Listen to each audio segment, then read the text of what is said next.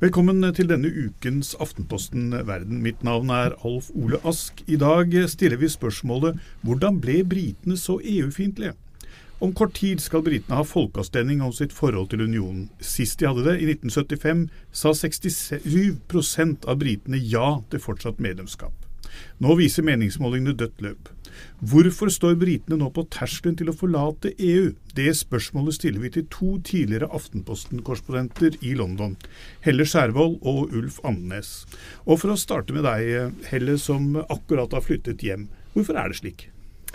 Veldig kort fortalt så har det jo alltid, selv om du, du viser til eh, at det var flertall for EU-medlemskap én gang, så har det jo alltid ligget og murret under et ganske sterk EU-skepsis. Og grunnen til at den har blusset veldig opp nå i det siste, er vel kanskje først og fremst at britiske forhold sammenlignet med, med, de øvrige europeiske forholdene, at det går bedre i Storbritannia sammenlignet med EU-landet. Og så har man jo hatt en regjering siden 2010 som i hvert fall ikke har gjort noe De har ikke gjort en veldig god jobb i å dempe denne euroskepsisen. Eh, tvert om, selv om statsministeren sier han vil fortsatt være, være EU-land. Ulf? Ja, altså De har jo aldri vært særlig innstilt på Europeisk union i England, særlig. Og det er jo mange som sier at motsetningen går mellom dem som er direkte negative, og dem som er eh, likegyldige. Uh, kynikerne vil si at når Cameron eh, har funnet på dette med en folkeavstemning nå, så er det for å løse et problem i sitt eget parti, fordi at det er så beinhard indre strid i det konservative partiet om det. Og det er jo en slags speilvending av hvordan det var i den første folkeavstemningen om dette i 1975, da Harold Wilson, daværende Arbeiderparti-statsminister, utskrev folkeavstemning for da å løse en beinhard indre strid i Labour-partiet den gangen. Men eh, en av de underliggende eh, sakene som jo har preget mye av, av, av, debatten om britenes forhold til EU, eh, e er eh, sosialpolitikk og, og, ikke minst eh, det sosiale sikkerhetsnettet i, i Storbritannia. Er det de sosiale godene som britene har selv, som de ikke vil dele med andre, Helle? Jeg tror det er i hvert fall mitt inntrykk eh, har snakket med folk der borte, at det er For noen er det nok innvandringsskepsis, som vi sikkert også skal inn på, som er en viktig årsak, men for folk flest så er det først og fremst det de opplever på kroppen som en, en forverring av f.eks. For helsetilbudet, tilgang på skole, ikke minst boliger, som er en av hovedårsakene til at de er skeptiske til EU-medlemskap. og og helsevesenet, ikke minst. NHS. Vi er jo veldig fornøyd i Norge med det helsevesenet vi har her, men det altså, jeg er helt forbløffa over hvor stolte briter er av NHS. Det er liksom høyt og lavt eh, på samfunnsstigen fra høyre til venstre. Det er liksom det å snakke varmt om sitt eget helsevesen og det tilbudet de har, det er noe alle gjør med sånn ekstrem stolthet. Og det opplever de at det er, eh, at det er under sterkt press nå. Og så er det litt avhengig av hvem du spør, hvorvidt man tror det er direkte sammenheng med, med en sånn økt innvandring, et økt press utenfra eller ei. Og det er det mange som opplever da, at det er. Du har jo personlige erfaringer. Du har jo fått eh, barn i, i mm. Storbritannia mm. like eh, før jul eller i fjor høst, mm. og har dermed en førstehåndskjennskap til, til, til dette helsevesenet. Nå har det kommet hjem til Norge. Her i Norge regner, liker vi å skryte av og tro at vi har verdens beste system, men det britiske er kanskje vel så bra? Eh, ja, jeg har i hvert fall, uh, hvert fall, grunn til å Eller tro det, da. Jeg er i hvert fall veldig fornøyd med, med NHS. Og nå er kanskje det norske helsevesenet eller norske sosialsystemet for øvrig sånn veldig familievennlig, da. Det var f.eks. ikke snakk om å ha pappa overnattende på, på sykehuset i, i, London, mens her er det selvfølgelig sånn familie hva heter det, barselhotell, suiter. Ja. Så, så, det er nok mer tradisjonelt sånn sett, og, og ikke så ikke lagt opp så familievennlig som her, men, men, når det er sagt, da. Alt er gratis relativt korte ventelister, sånn jeg opplevde det, og et veldig godt system som, som de aller fleste er, er, er, fornøyd med, da, selv om det, det, er vel ikke det land som ikke har, finner ting å klage på på helsesystemet sitt. Men eh, nei, jeg må si storfornøyd, jeg, med britiske helsevesenet. Ulf, eh, hva er historien bak at britene har dette fenomenale helsevesenet? Det var jo de som startet, fordi at i den eh, samlingsregjeringen som var under annen verdenskrig, da satte Churchill uh, Han satte en uh, lord som het lord Beveridge til å utarbeide et uh, forslag til en helse, et, hel, et, offentlig helsevesen i Storbritannia. Og det ble da The National Health Service. Før det var det jo ingenting. Før det var det uh, arven fra Charles Dickens og forskjell på rike og fattige når det gjaldt helse. Og så kommer da lord Beveridge med Churchills og, uh, og regjeringens velsignelse og setter i sving dette umiddelbart etter krigen. Og det blir jo da modell for alle andre land eh, i Europa, faktisk. Også for Norge, fordi at Norge fikk jo ikke i gang dette før etter krigen. Så, og det var, jo, det var, jo, England som var modellen for oss og for de fleste andre. Det var forbildet. Så noe av eh, den eh, folkelige EU-motstanden man nå ser både på høyre- og venstresiden i Storbritannia, er bl.a. bundet i at man frykter for disse velferdsordningene skal bli utvannet som følge av, av innvandring, og ikke minst av, av, av, fri flytt av arbeidskraft, hvor man har sett disse oppslagene i, i Storbritannia om polske rørleggere og andre ting. Ja, kanskje som del av et større bilde. Jeg tror den engelske arbeiderklassen er ute å kjøre, fordi at det er jo en veldig pågang, da, eh, ikke minst av østeuropeiske arbeidere, da, som, som gjør at eh, eh, jobbene er jo truet. Mm. Men så kan man jo Altså man kan jo spørre seg i hvor stor grad det, det, presset handler om innvandring eller andre typer eh, problemer i det britiske samfunnet. At de har blitt for lite konkurransedyktige eh, av andre årsaker. Og såkalt trygdeturisme, det er jo et begrep der som er daglig på avisforsiden og virkelig hauses opp av de mer høyrelendende avisene. Og, og det har virkelig festa seg. Det er altså en idé om at man tror fordi britene har et så godt helse, gratis helsevesen, eh, gode, gode trygdeordninger, så er det derfor veldig mange eh, søker seg dit. Både asylsøkere utenfor EU-samarbeidet og som vi snakker om andre europeere. Så de har en, en, idé om at de har et så godt system at det er det som lokker dit, heller enn f.eks. språk, arbeidsmuligheter, eh, andre typer ting. Da. Men hvorvidt det er sant eller ikke, det det er det mange en forskningsrapport som har sett på. det, Så vidt jeg har klart å, å, forstå, så er det vel en, mer en overdreven frykt, den såkalte trygdeturismen, enn, enn hva, hva i hvert fall høyrepressen vil ha det til. La oss holde litt fast på, på økonomien. 50% av all eksport fra går til, nei, fra, unnskyld, fra Storbritannia går til eh, EU-landene på, på kontinentet. Eh, britiske arbeidsplasser er, er, eh, meget avhengig av det, det, indre marked som de tross alt eh, er en, er en, del av. Gjør det noe inntrykk i denne debatten, Ulf? Mitt inntrykk er at um, å beholde så mye som mulig av det indre marked, det er det de gjerne vil fortsette med.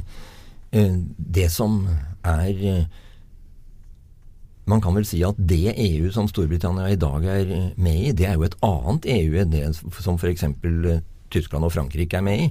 Fordi at uh, Britene er jo da ikke med i eura, ikke felles penger. De er ikke med i Schengen, ikke felles grenser. De har en masse unntak og avvik som landene på kontinentet stort sett ikke har. Og når de da ønsker å tre ut av dette, disse, disse EU-motstanderne i Storbritannia. Eh, det de ikke har noe særlig å protestere mot, det er å beholde mest mulig av det indre marked. Og det kan jo tenkes at det vil eh, både Storbritannia og, og unionen være interessert i å beholde i mest mulig grad, nettopp pga. Den, eh, den store samhandelen. Eh, Helle, når du har fulgt dette der borte. Den norske løsningen med denne husmannskontrakten vi har gjennom EØS-avtalen, er det noe som frister de britiske EU-motstandere? Nei, ikke egentlig. Det er jo noe de er veldig nysgjerrig på. Og vi så eksempler på at uh, da den daværende norske EU-ministeren kom over, så var det jo sånn fullt hus og kø ut av døra. Og det har vært mange sånn studietur, britisk studietur over hit for å se nærmere på den norske løsningen. Men, men det er en idé om at den den løsningen ikke passer så godt for de da, av, av, flere årsaker. og Det ene er jo dette med manglende innflytelse. og Det virker som, eh, som eh, De ønsker seg jo en løsning som Ulf sier, der de i størst mulig grad er en del av det indre markedet. Men, men de har ikke tenkt å gi fra seg eh, innflytelse. Tvert imot. De ønsker jo mer bestemmelsesrett over egne forhold. Så, så, de ser jo litt på den norske løsningen som en altså at du verken får i pose eller sekk. da. Så, så nei, det er, det er, ikke en modell de er spesielt eh, misunnelige på. Men Hva slags rolle kan man se for seg for et Storbritannia utenfor EU? Eh, det er, jo, det er jo ingenting som tyder på at Brussel vil slippe tredjeland som dette da vil bli, inn i sin beslutningsprosess? Én ting er i hvert fall sikkert det jeg har hørt med britiske politikere som har satt seg inn i dette her, som Helle sier.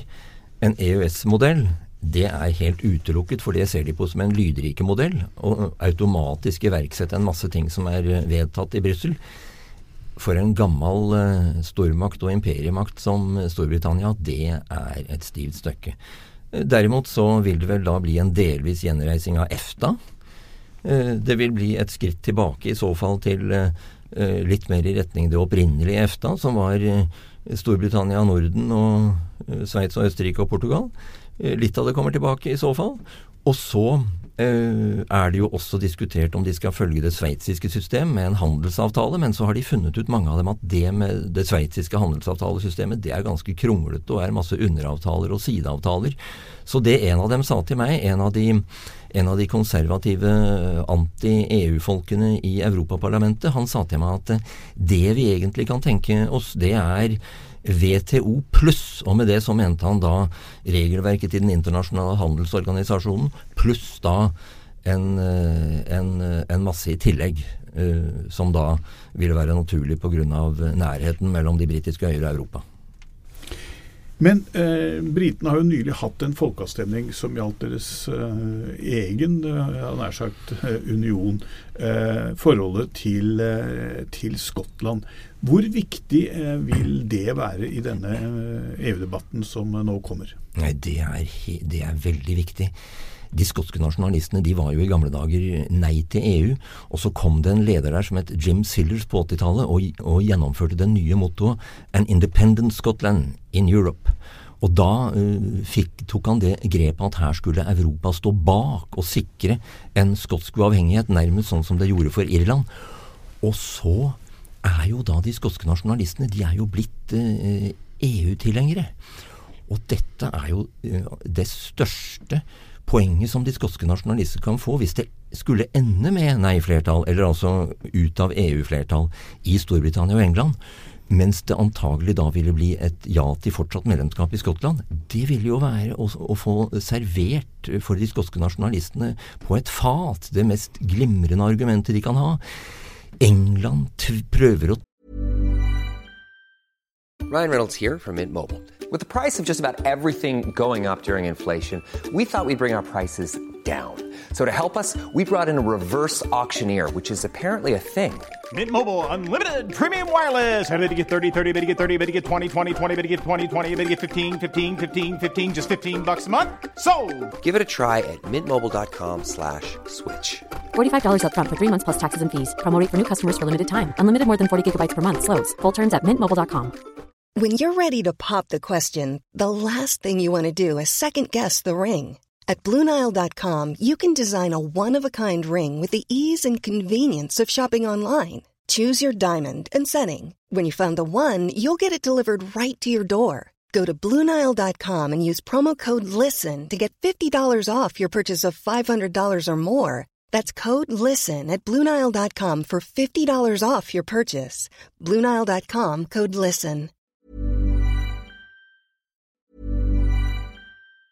Life is made up of many gorgeous moments. Cherish them all, big and small, with Blue Nile. Whether it's for yourself or a loved one, Blue Nile's unrivaled selection of expertly crafted fine jewelry and statement pieces help make all your moments sparkle. Blue Nile's experts are on hand to guide you, and their diamond guarantee ensures you get the highest quality at the best price. Celebrate a life well lived in the most radiant way and save up to 30% at BlueNile.com. That's BlueNile.com. Tvinge oss ut av Europa som vi vil være med i.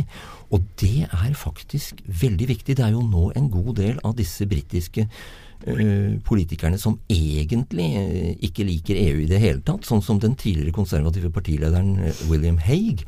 Han har jo stått fram og sagt at jeg har jo kritisert EU hele mitt liv, men akkurat i den nåværende situasjonen så vil jeg stemme for fortsatt medlemskap, fordi at vi kan ikke risikere å miste Skottland som en følge av dette her.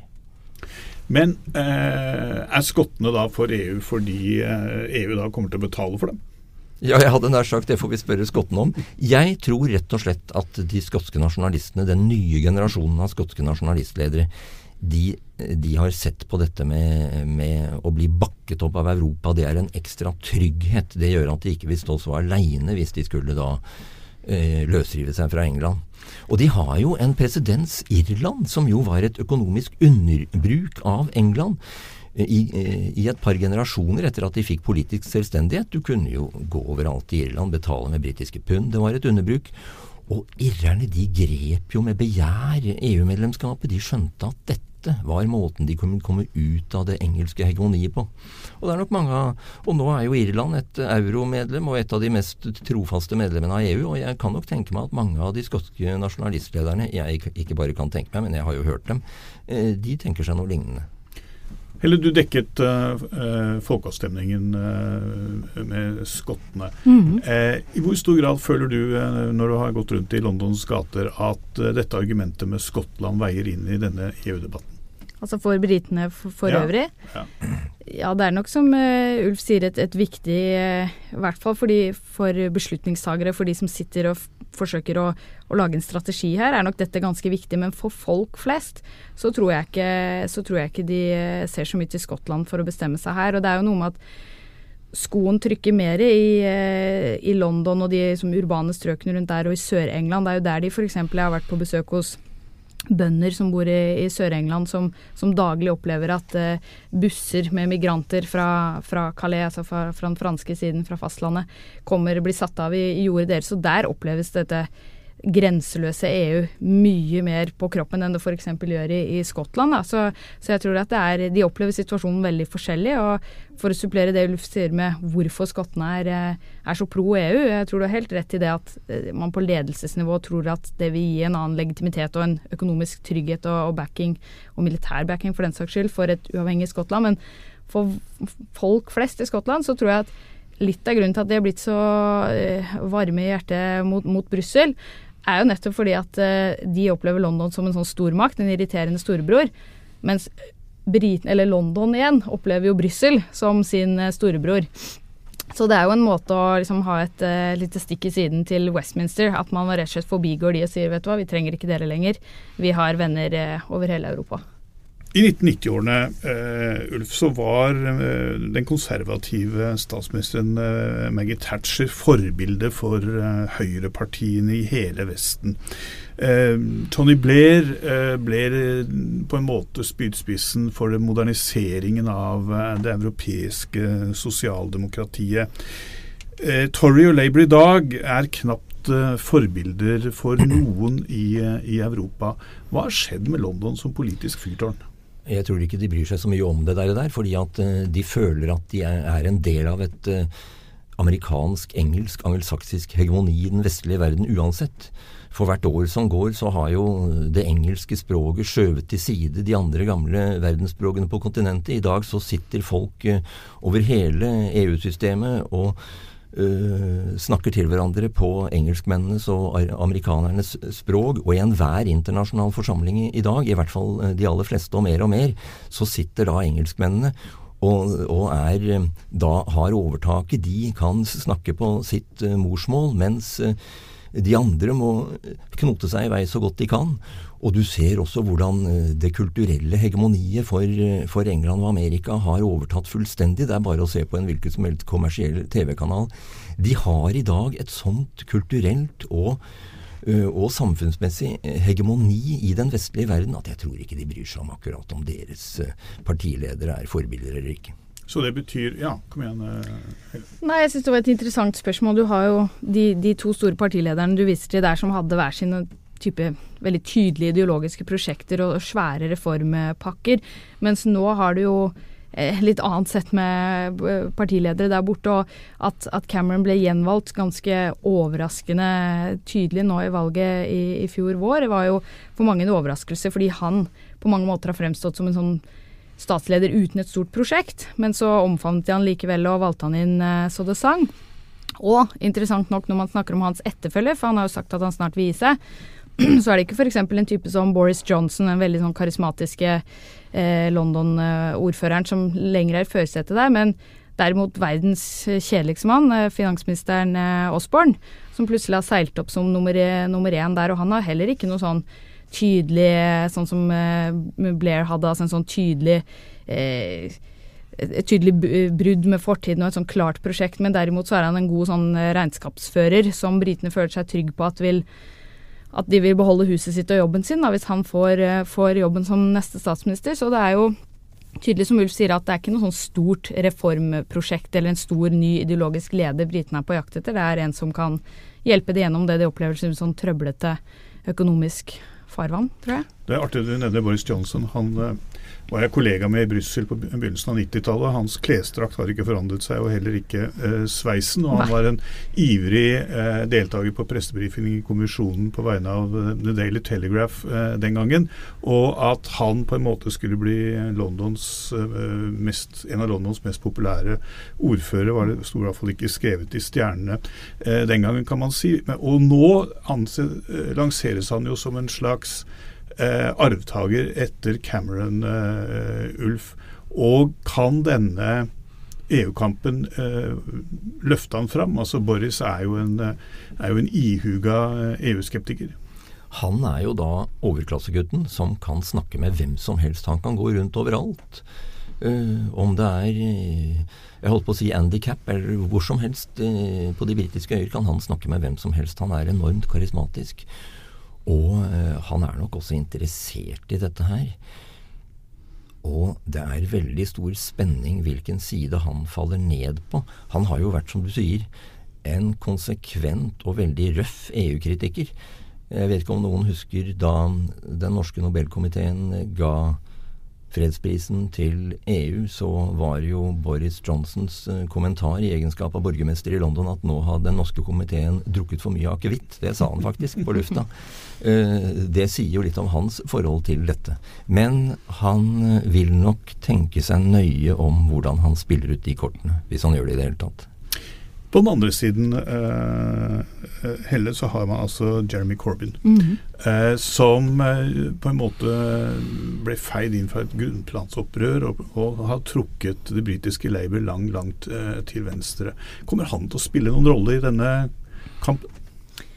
Det blir interessant å se i hvor stor grad han og, og Labour, som har lagt seg på en uh, ja til videre uh, medlemskapslinje, uh, i hvor stor grad de egentlig har noen særlig innflytelse på de som eventuelt da ikke har bestemt seg? Altså, man må tenke på det at Margaret Thatcher, med sin kombinasjon av mørkeblå politikk og stadig skarpere kritikk og til slutt direkte motstand mot Europeisk unionen. Hun skremte på en måte størsteparten av britiske venstresiden og Labour-partiet over til en ja-holdning til, til unionen. Og til og med Corbyn, som da kommer ifra det ytterste venstre, etter norsk målestokk så ville han være noe mellom SV og Rødt. Uh, av hans støpning de har jo måttet holde fast ved Labour under Labours tak, rett og slett fordi at med den valgordningen vil de ellers ha en ørkenvandring livet ut. Han var jo av disse gamle ytterste venstre EU-motstanderne. Men nå nå er han blitt leder, og så er han omgitt av et hav av Høyre-sosialdemokrater fra Blairs tid. Mm. Så han er nødt til, eh, om han overhodet skal kunne holde det gående som leder, så er han nødt til å komme med noen sånne lunkne positive utsagn om EU-medlemskapet, med da vekt på lunkent. Og som Ulf var inne på, det er jo for spesielt den eh, engelske arbeiderklassen at eh, i stor grad eh, den EU-innvandringen oppleves som problematisk. Ikke for eh, finansfolk i City. Eh, og om de vil høre på, på, partiledelsen her, eller om de har en magefølelse på at det er best å komme seg ut eh, og få litt mindre konkurranse om jobbene sine, det er jeg ikke helt sikker på. Eh da er vi tilbake omtrent der vi eh, startet, Helle. Og da har jeg bare ett spørsmål eh, til dere begge helt på eh, tampen. Tror dere at det blir ja eller nei? Ulf først. Jeg spurte en engelskmann jeg kjenner godt, svigersønnen min faktisk, om dette her. Og da svarte han jeg er ikke noe interessert i politikk. Jeg er en praktisk mann, og jeg har aldri likt EU. I'm not keen on EU. Men, sa han, når det blir folkeavstemning, så kommer jeg til å gå og stemme for fortsatt medlemskap. Fordi eh, jeg har litt angst for det ukjente. I prefer the devil I know. Mm. Jeg, jeg, liker best den jævelen jeg kjenner. Uh, Og det ga meg en pekepinn om hvilken vei det kunne gå. Og jeg må si personlig så ville jeg nok bli mer overrasket over en nei-seier enn over en ja-seier. Det var en annen engelskmann som sa til meg at ved folkeavstemningen i 75, da ble nei-bevegelsen overfor EU den ble ledet av den ytre venstrefløyen i Labour.